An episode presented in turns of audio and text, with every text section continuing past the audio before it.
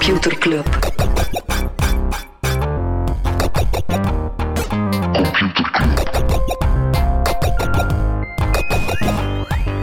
Computer Club.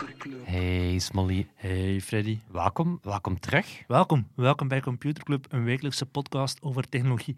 Iedere aflevering selecteren Freddy en ik een interessant artikel en presenteren een feitje. Smolly, zouden er mensen zijn die niet geweten hebben dat Facebook, Instagram en WhatsApp plat hebben gelegen? Wacht, ik ga er even een passende jingle voor eh, bedenken. Facebook dumpster fire.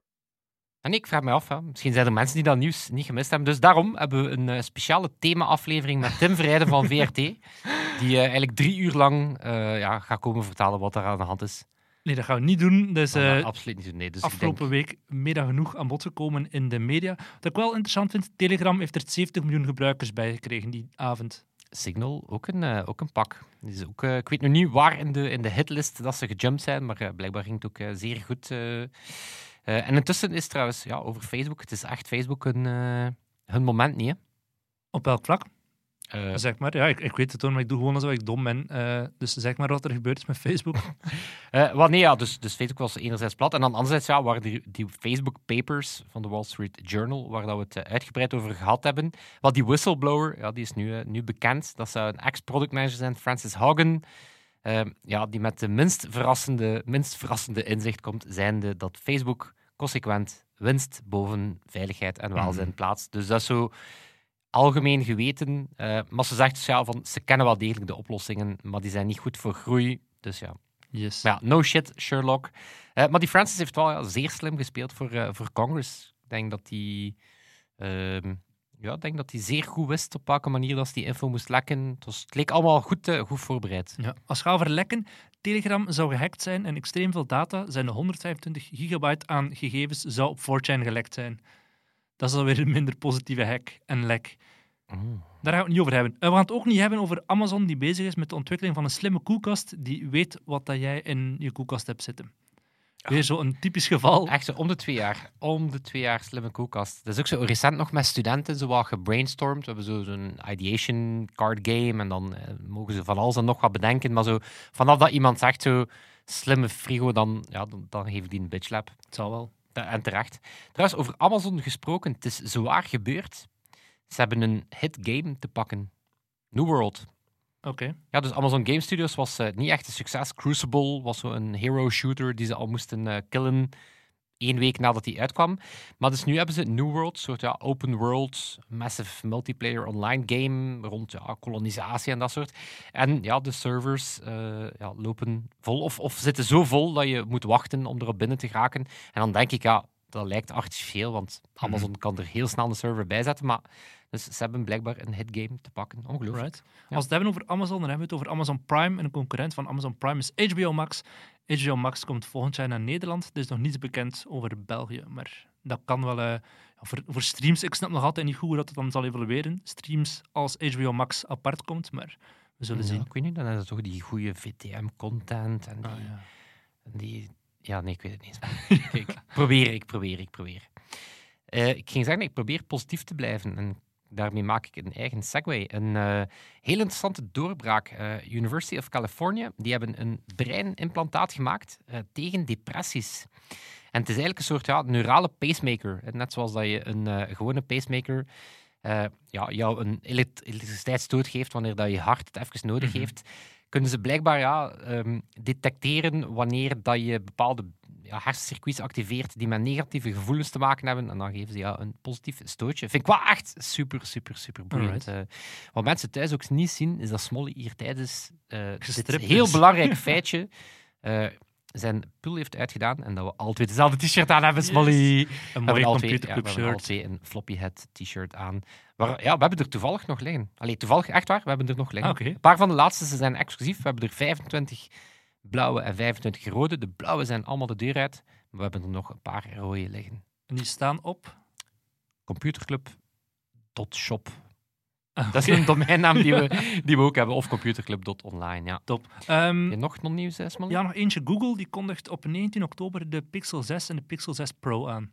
Hebben we zo'n geo-jingle of zo? Nee. Wacht. Ik denk dat ik... het, eh, ik hoop dat ik de juiste nu aanklik. Ik heb gewoon een jingle aangeklikt.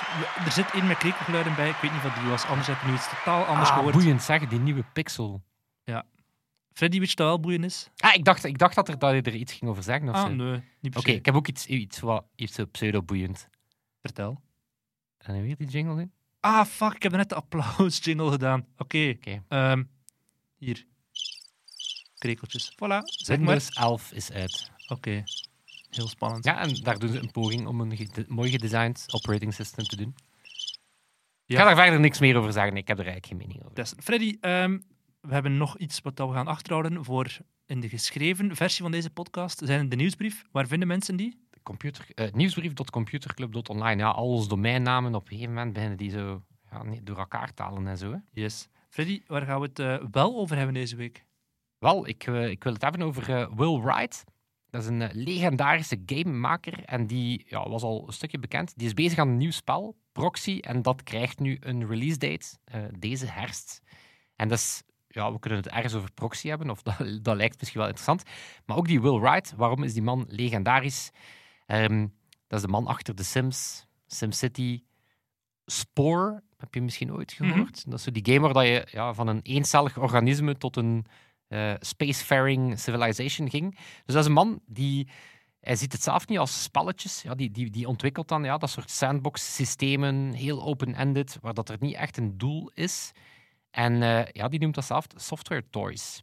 Ehm, heb je een voorkeur eerst over proxy of eerst eens kijken naar die, ja, naar die, naar die zijn eerdere hits? We gaan eerst met de Godfather beginnen. Will Wright.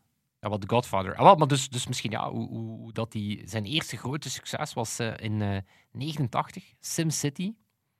Ooit gespeeld? Ja, ja. Ja, ik denk Ik dat hou van dat soort spelletjes. Voilà. En ehm, het is heel cool. Ik heb ontdekt wat de inspiratie was voor het spel. Hij was eh, op dat moment als game designer was hij een helikoptergame aan het designen. Was eigenlijk de omgeving voor een helikoptergame aan het designen. En hij merkte dat hij het leuker vond om de levels te bouwen dan het spel te spelen. Ehm, en ja, dat was eigenlijk voor het eerst dat spelletjes, dat dat niet meer iets was voor, ja, voor kinderen of, of voor jongeren of, of, of zelf ja, zo puur voor entertainment, maar dat dat zo ja, iets, iets, iets serieus werd. En eh, ja, blijkbaar is daar een hele generatie aan cityplanners en architecten eh, door, door opgestaan. Eh, ik heb ook wel ontdekt dat er best wel wat kritiek was op het, op het spel. Waarom? Het is- het is- er waren geen fietspaden. Ah ja. Parking bestond ook niet. Effectief, ja, die auto's reden daar rond, maar het was geen parking. En ehm, daar zat ook een- nogal een, eh, een denkfout in. Zijnde, als je een politiestation creëerde, dan ging de misdaad automatisch naar omlaag. Dus het was nogal kort door de bocht. Dat Ja. zo beerblauw op straat. Maar dat is natuurlijk een beetje klein. Maar ja, dat, de, dat genre blijft tot op heden huge. Maar het zal wel niet liggen aan de reboot. Eh 2013 hebben ze nog eens één gemaakt. Ehm, en daar was het duidelijk dat Maxis, dat is de studio van Will Wright, en EA ja, niet op dezelfde lijn zaten. was een complete flop. Weet je nog toevallig waarom dat, dat was? Nee. was een heel pijnlijke. Daar zat zo DRM, Digital Right Management, in. Mhm. Dus je moest altijd online zijn om dat spel te spelen. Ja. Hè, om zo gezegd tegen piraterij. Ja, waren het niet dat die servers ja, wekenlang bij launch niet goed werkten. Dus het was zo echt een soort miskloon waar dat... Ja, Maxis wou gewoon terug een goede SimCity maken, maar dan met betere graphics. En EA wou er natuurlijk weer een, eh, een money machine van maken. Ja. Maar dan, ja, de, de, eh, de grote hit van Will Wright is natuurlijk The Sims. Hè. Weet je wat de inspiratie was voor The Sims? Nee. Zie, ik ben, mij, ben, ben voorbereid, Smolly, deze keer. Wow. Ehm, ja, in 1991 is Will Wright zijn huis afgebrand. Oké. Ja, en dus moest hij zijn eigen huis gaan herbouwen. En dat was de inspiratie om een soort ja, virtual dollhouse te gaan maken, wat dan natuurlijk The Sims is. Eh, ook een tof wistje datje, een tof wetentje, is eh, dat de directie van Maxis, ja, de, de, die waren eerst geen fan van het concept. Dus het is pas toen dat EA, dat hebben ze wel goed gedaan, Maxis in 97 heeft overgekocht, dat ze het project goed licht hebben gegeven. En eh, dat is een goede beslissing geweest, want The Sims was, het, eh, was toen het best verkochte PC-spel ooit. Eh, intussen meer dan 200 miljoen exemplaren. Zot. Ik zou, ja. Dit, ja, het is, het, is, het is echt zot. En ehm, Ja, we hebben het ooit gehad over de taal hè, die daarvoor bedacht is. ja, het uh, Sim, Simlish. Simili. Ja, Simlish, inderdaad. Ja, zoiets. Ehm, ja, het, is echt, het is echt gigantisch succesvol. Vier, vier versies al van het spel. Massa's expansion packs, eh, item packs, eh, nieuwe hobby's voor je Sims. Ehm, was ook, ja, zonder het dan, eh, dan, dan te veel te reduceren, maar was ook voor het eerst dat er, eh, dat er een spel ook zo succesvol was bij vrouwen. Mhm. Hè, dat, dat dat soort role-playing games ook, ook, eh, ook niet enkel voor, eh, voor geeks of voor, voor mannelijke geeks was. Blijkbaar was het bedoeld als een satire op, op consumentencultuur. Dus het was, ehm, het was eigenlijk ook een beetje een satire. En ook interessant is dat Will Wright zich een heel goed stuk gebaseerd heeft op de piramide van Maslow. De behoeften die je nodig Ja. hebt. eh, Ja, ja. Dus, de, dus dat. Eh, wat ik wel niet wist, is dat er ook een aantal fails waren. Eh, de Sims Online, bijvoorbeeld. Nooit doorgebroken. De Sims Stories, wat dan een soort ja, story-based game was. Mhm. Of de Sims Medieval. En dat was dan een soort ja, die RPG. ken ik wel. Er is blijkbaar ooit plannen geweest voor een film. Is gecanceld.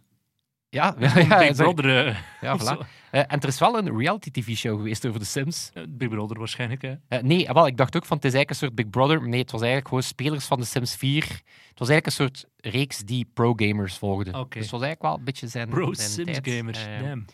ja, maar niet alles wat Will Wright doet is een succes. hè, want in 2008, hè, want zo lang is het geleden dat Will Ri- Wright nog eens een spel heeft uitgebracht, Was Spoor... eh, was Spore. En dat was Ja. gigantisch ambitieus. Eh, eigenlijk het spel was, was quasi vier, vijf games in één. Het ging echt van een eencellig organisme totdat je op de aarde kroop, totdat je ja, een tribal fase had, een civilizations fase en dan ook een ja, ruimteverkennende Mhm. fase. Maar dat spel was eigenlijk... Heb je het ooit gespeeld? Nee. Ja, het was eigenlijk een soort alles en niks. Het, het kreunde echt onder zijn eigen ambitie. Het was eigenlijk in geen van die dingen echt voldoende diep. Ehm, maar het getuigt wel van, van de ambitie van die Will Wright. En Proxy, zijn nieuwe spel, ja, ben daar echt benieuwd naar. Wat is eigenlijk de grote insteek? Is ehm, wat als je volledige werelden kan maken van je eigen herinneringen? Dus wat als je. eh, Dus het is, het is, het is ook weer duidelijk dat het niet. Het is, echt nog, het is moeilijk om dat echt nog een spel te gaan noemen. Het is Mhm. bijna meer een soort ja, Filosofie. filosofie of bijna een soort eh, fotoboek. Dus eh, het, gaat ook, het gaat ook blijkbaar in. Het is eigenlijk een soort manier om je herinneringen tot leven te brengen en daarmee dan een soort autobiografie te gaan, te gaan maken. Het gaat eigenlijk in een aantal, spellen, eh, een aantal stappen. En de eerste stap die krijgen we eh, deze herfst. Dus dat is de aanleiding. Komt eh, deze herfst op mobile als een, gratis, eh, als een gratis ding uit. En het begint met het maken van een herinnering. En dat is eigenlijk, eh, ja, of, zo stelt hij het zich voor, een soort digitale sneeuwbal. Waar je dan objecten kan inplaatsen, 3D-objecten, maar ook audio, video. Die plaats je, eh, alle punten voor buzzwords, die plaats je dan als NFT Oh op een god. platform. Ehm, dus dat is stap 1. Daarna, dat is dan de tweede fase, ga je met al jouw herinneringen, al jouw sneeuwballen, een soort wereld gaan bouwen, hè, waarbij dat je dan die herinneringen aan elkaar linkt. En nu wordt het volledig trippen, dat is dan de, de, de derde en de vierde fase. De derde fase ga je dan een AI via vragen en minigames eigenlijk trainen op je herinneringen. Dus je gaat eigenlijk die AI ja, leren wat die herinnering betekent. En die AI die vormt dan een proxy. Mhm. En die proxy gaat jou dan weer dingen leren over jouw herinneringen. Of die proxy gaat dan zorgen dat andere mensen ook met jouw verhalen kunnen interageren. Zot. Ik heb geen flauw idee dat werkt.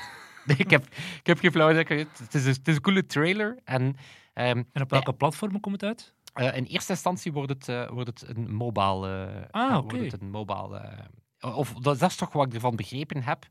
Ehm, maar het gaat ook heel sterk draaien natuurlijk rond die user-generated content. En dat is iets wat, wat Will Wright ook wel gewend is. Bij het Spore kon je ja, zelf ja, wezens gaan designen. Of je kon je eigen Sims-huizen Mhm. gaan designen of accessoires gaan designen.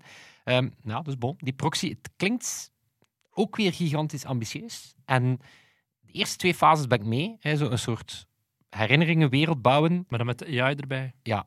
Voilà. Maar dus AI, NFT, user-generated content.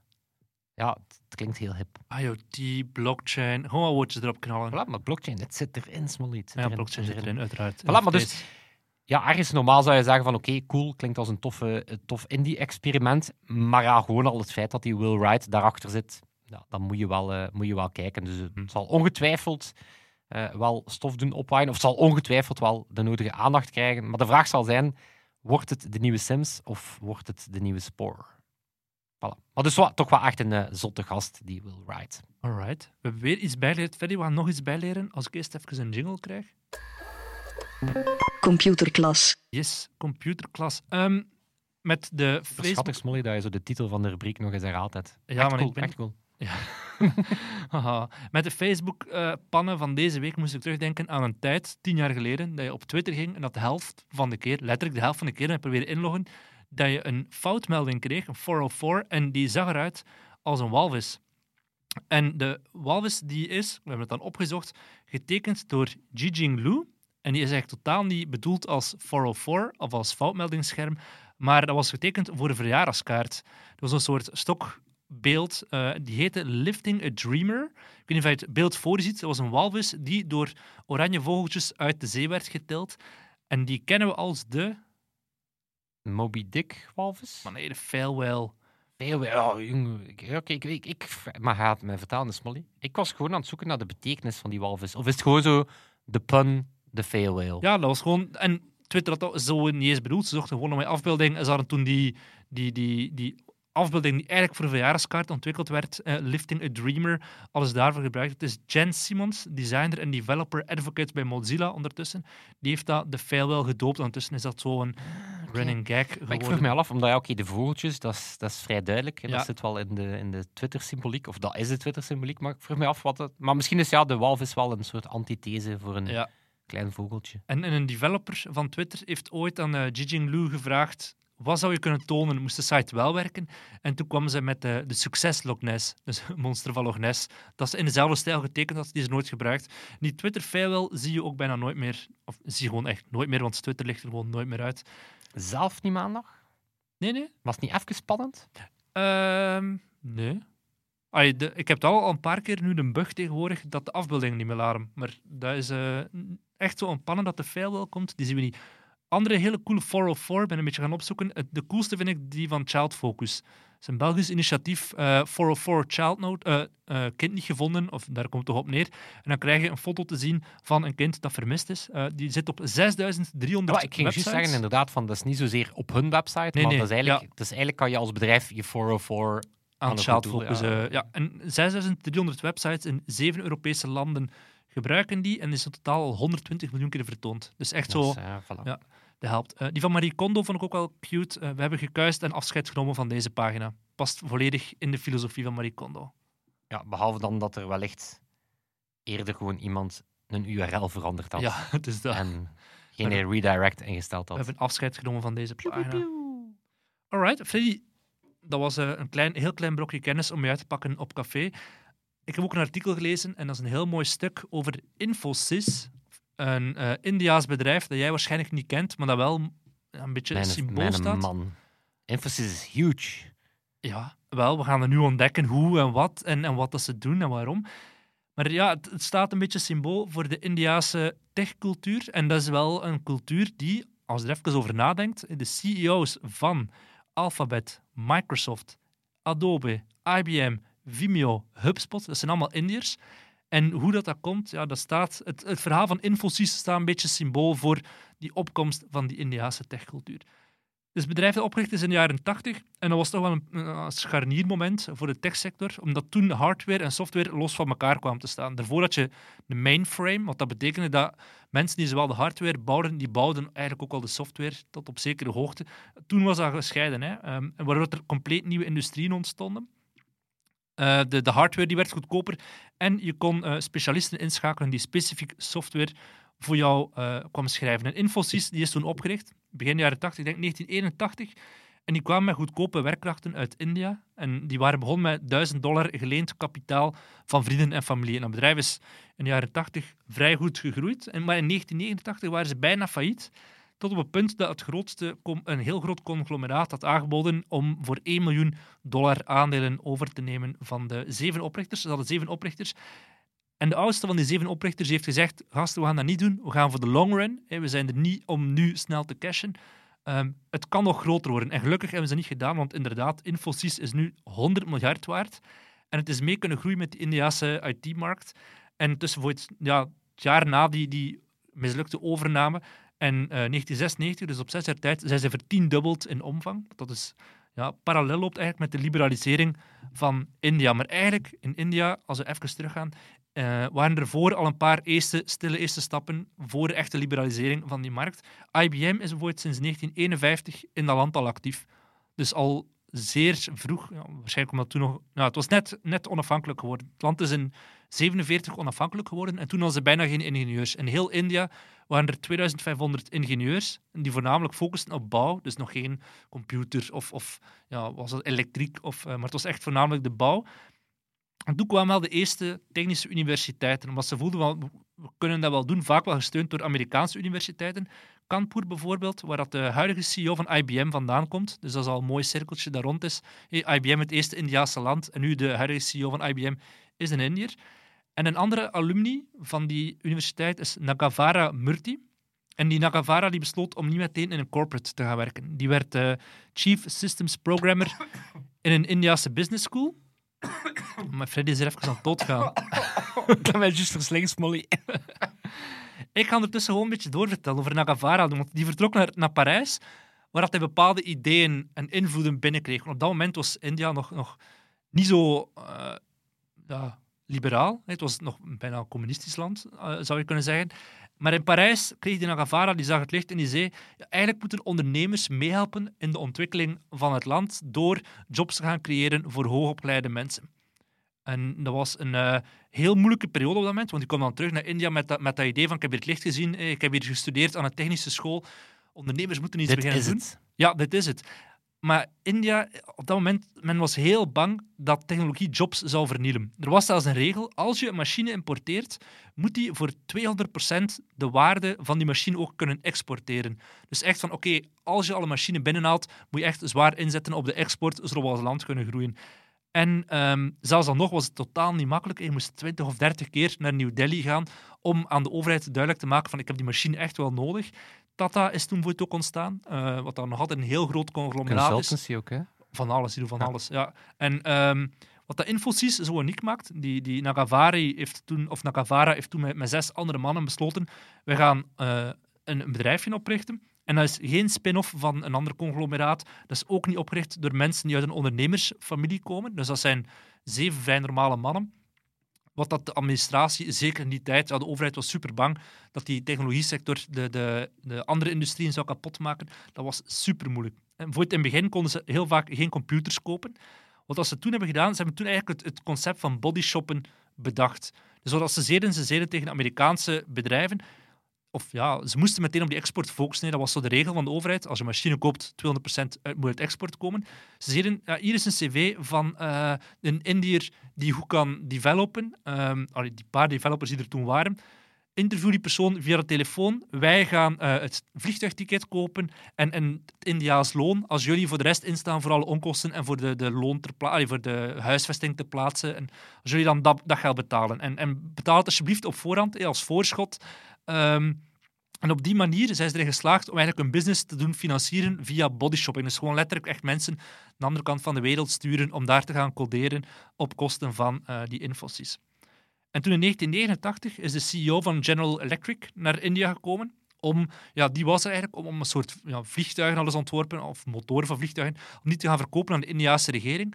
Maar voordat hij het wist, had hij in een pitch waar dat de Indiaanse regering hem had overtuigd was van kijk, probeer anders niet gewoon je software te gaan outsourcen naar India of bodyshoppers van ons te gaan eh, inschakelen. En die zei van, ja, oké, waarom niet? En dat is een zeer belangrijke deal geweest, General Electric en Infosys, om het, eh, ja, om eigenlijk ook gewoon serieus genomen te worden in de Amerikaanse markt. Van, oké, als General Electric het doet, dan, dan kunnen wij er ook wel mee samenwerken. En, en als je daar nu zo op terugkijkt, vaak zeggen mensen van, ah ja, die IT-sector is kunnen groeien ondanks de overheid. Ehm, of omdat de overheid niet, misschien het, het potentieel ervan eh, onderschatte.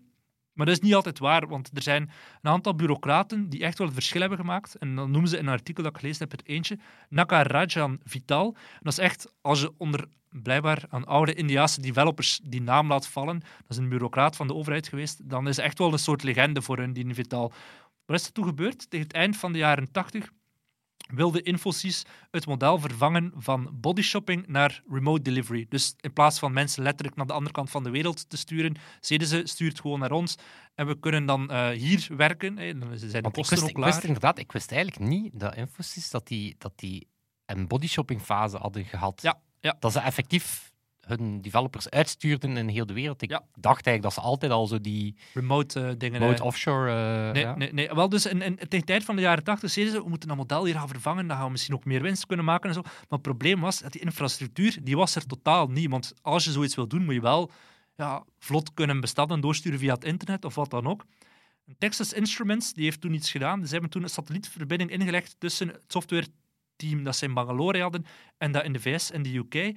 En die Vital, die bij de overheid werkte, die zag dat en die zei, godverdomme, ehm, hier zit, er, hier zit er iets in. Wij moeten als overheid hier een rol in gaan spelen. Die heeft toen Software Technology Parks eh, ontwikkeld die in handen waren van de overheid. Waar er dus wel snelle glasvezel... Niet, het zal geen glasvezel geweest zijn, maar wel goede verbindingen waren en zo. En ehm, zij regelden dan dat de voorschotten betaald werden aan de providers, wat dat een, een Infosys kon dat op dat moment nog niet neerleggen. De overheid kon dat wel. En die zei ook van, kijk, we gaan hier ehm, bepaalde stimulansen gaan maken voor de techsector. Dat je bijvoorbeeld tax-free machines kan importeren, computers of wat dat dan ook is. Als je nou, die leggen superhoge targets op aan de industrie, bijvoorbeeld op één jaar tijd vervierdubbelen qua omvang eh, de techsector in India. En daarom is die die heeft toen al heel snel ingezien van kijk, die sector is wel heel belangrijk. Ik ga hier bepaalde belastingsregimes voor hun eh, voorzien, maar dat wel de targets echt super hoog leggen. En op een bepaald moment was de vraag ook groter aan het aanbod. Heel veel mensen wilden dingen gaan outsourcen naar India, maar ja, je zit met een land dat niet genoeg developers had. Dus wat dat Infosys toen gedaan heeft, is in, ja, als een van de eerste er ook engineers gaan opleiden. Engineers die vaak kwamen van de bouw of, of van de staal of van een ander, een ander type ingenieurs. Zij gaan omleiden naar developers. En zij hebben ook al heel snel ingezien van kijk, we moeten developers, ze zijn al vrij snel aan de beurs getrokken ook, moeten die niet alleen een goed salaris, maar ook aandelen gaan geven. Wat dat toen, zeker in India, waar dat er heel veel armoede was, was er wel iets van, ah, ik wil Ja, dat is wel zot, ja. dat is een job dat ik ambieer om eh, ingenieur of developer te worden. En eind jaren 90 heeft Infosys echt een jackpot gehad. En wat zou dat geweest zijn? Eind jaren De 90. 2K-bug. Yes, inderdaad. Eh, heel veel in die tijd voor de mensen die heel jong zijn, die echt 12 zijn of zo, en die er nooit hebben meegemaakt. Maar in die tijd eh, programmeerde men, eh, als ze jaartallen intypten, was dat heel vaak gewoon twee cijfers, like dat nu 21 zou zetten, en niet voluit 2021. En de vrees was toen, shit, als wij het jaar 2000 gaan bereiken, gaan die computers beginnen flashen, Die gaan want denken dat 00 1900 is is of zo, ja, of, 1900. ja. Ja. En eh, wat de Infosys toen deed, was dat dan allemaal die, die bugs er gaan uithalen of dat, dat gaan, gaan rechtzetten om dat te gaan vermijden. In 1998 kwam 20% van de omzet uit dat soort fixes. Dus die hebben toen gewoon zwaar gecashed op eh dat rechtzetten van die, van die Y2K-bug. Weet je trouwens, sorry dat ik je onderbreek, weet je trouwens waarom dat er nooit een Windows 9 geweest is? nee? Er is een Windows 7 geweest, Windows Ja. 8, Windows 10, maar nooit een 9. Vertel. Omdat ze ook bang waren, omdat ze ook bang waren dat er, er zijn heel wat Windows geweest met een 9 ervoor, 95, 98. En ze waren eigenlijk bang dat er heel veel developers gingen geweest zijn die ja, een shortcut hadden gepakt door naar de versie te verwijzen als 9 Ja, X. En dan waren ze bang van shit, als er ooit echt een versie 9 is, dan, ja, dan gaat dat de, die boel in de war sturen. Dus dan hebben ze het zekerste voor het onzekerste pakt, echt waar. En dan zijn ze meteen 10. naar 10 en gegaan. daarna naar Vista en naar XP En dan is het en, volledig, eh, eh, losgegaan. Eh, nee, de volgende nee, is nee, anders. hè. eh, I know, volgende I know. even, ja, ja. Ja, ja. Dat was gewoon een woordspeling, Freddy. Nee, Sorry. Infosys is zo langzamerhand uitgeroeid tot een bedrijf van 100 miljard. En soms kijken we nog altijd vreemd op naar, naar outsourcing. Zeker zo na een financiële crisis is de vraag van... Ah, moeten we dat wel naar het buitenland doen? Kunnen we dat niet hier in-house doen? En India ligt dan nog minder onder vuur dan China. Eh, China weet allemaal, er gaan weinig Amerikanen zeggen we gaan onze boel outsourcen naar China. India gaat dat nog wel. En Infosys die speelt dat heel slim. Infosys die bouwt trainingscentra steeds meer en meer in het land waar het actief is. Bijvoorbeeld in Indianapolis, in Amerika, bouwen zij om ja, laaggeschoolde arbeiders te gaan omvormen naar developers. Een soort goodwill creëren ehm, bij, de, bij de lokale markten. Ja, of, of zo van die satellietkantoren. Ik weet, Ja. zo'n vergelijkbaar bedrijf, Tech Mahindra, die zitten ook in Brussel, in Evere. Die Mhm. zitten dan zo vlakbij een aantal van hun grote telco en Ja. andere klanten. Ja. Ja, maar dat is dan natuurlijk... ja, dan, dan brengt dat zo misschien een beetje ver, maar dan voor Indiërs is dat dan weer minder makkelijk om een green card te gaan eh, verkrijgen, om naar de VS te gaan. Maar dat is zo'n beetje hoe dat Infosys is opgegroeid, op ontstaan. Zeven mensen die niet per se uit een grote ondernemersfamilie komen, die zelf duizend euro hebben geschooid bij vrienden en familie. En zo is dat tot eh, een bedrijf van 100 miljard kunnen groeien, van bodyshopping naar remote delivery. Oké, ik ga je proficiat wensen, Smolly. Het, nee, het, het, eh, bent er geslaagd om een stuk over Infosys aantrekkelijk extreem boeiend te maken. Ja. Yes. Ik had daar echt nog nooit zo lang bij stilgestaan. Voor mij was dat gewoon zo, ah ja, oké, dat is gewoon Mhm. outsourcing, offshore, offshoring, oké, Ja. zot.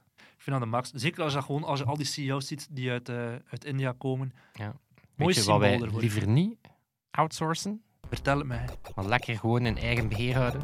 De edit van onze podcast. Met dank aan Sebastiaan en Toon. Toon, die deze week de edit doet. Voor de rest zijn we natuurlijk ook dankbaar aan onze vrienden van de show, iedereen uit Computerclub. En dat zal het zijn. Tot Tot volgende volgende week. week. Yo!